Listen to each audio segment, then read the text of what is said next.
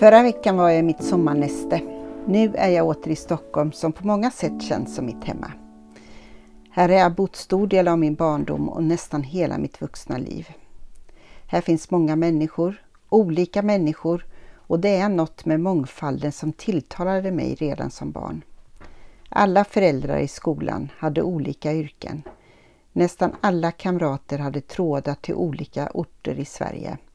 Det fanns liksom plats för olikhet på ett sätt jag gillade och kom att sakna när jag som nioåring omplanterades till en mindre stad som hade andra fördelar. Men mångfalden var inte där med samma tydlighet. Det sägs ibland att det inte är lätt med mångfald och det kanske är sant. Samtidigt tycker jag inte att vi ska göra det svårare än vad det är. Vi är olika, men alla människor är födda fria med lika rättigheter och skyldigheter.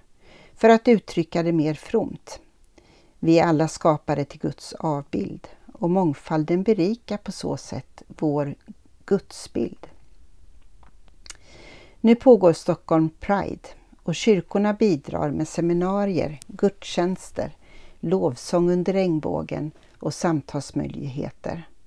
En del av Guds rika skapelse och vårt rika arbete. Under samma himmel lever våra systrar och bröder i vår systerkyrka EEC i Kongo-Brazzaville. I samarbete med Evangeliska kyrkan i Kongo-Brazzaville stöder Equmeniakyrkan flera projekt i syfte att förbättra människors livsvillkor.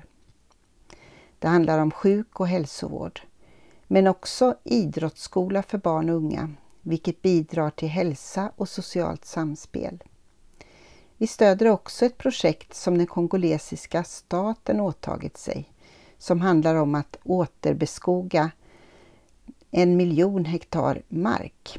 Vår samarbetskyrka har svarat på denna ambition och har som mål att plantera 5000 hektar av dessa.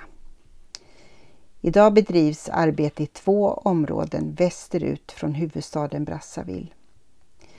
För att få med lokalbefolkningen i detta viktiga arbete har beslut tagits om att inte bara satsa på skogsträd utan även fruktträd och grödor av olika slag som kan varvas med träd.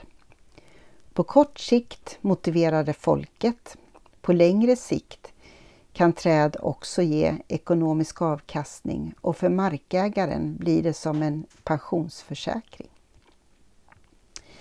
Vi ska be för Region Stockholm. Vi ska be för vår systerkyrka i Kongo Brazzaville och vi fortsätter bönen för vår skapelse. Låt oss be.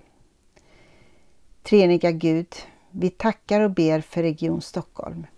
Vi ber för våra medarbetare på regionen och särskilt ber vi för de samtal och möten som skett under kyrkornas närvaro vid Stockholm Pride. Fortsätt verka med din heliga Ande i de som har berörts, utmanats, tröstats av dig.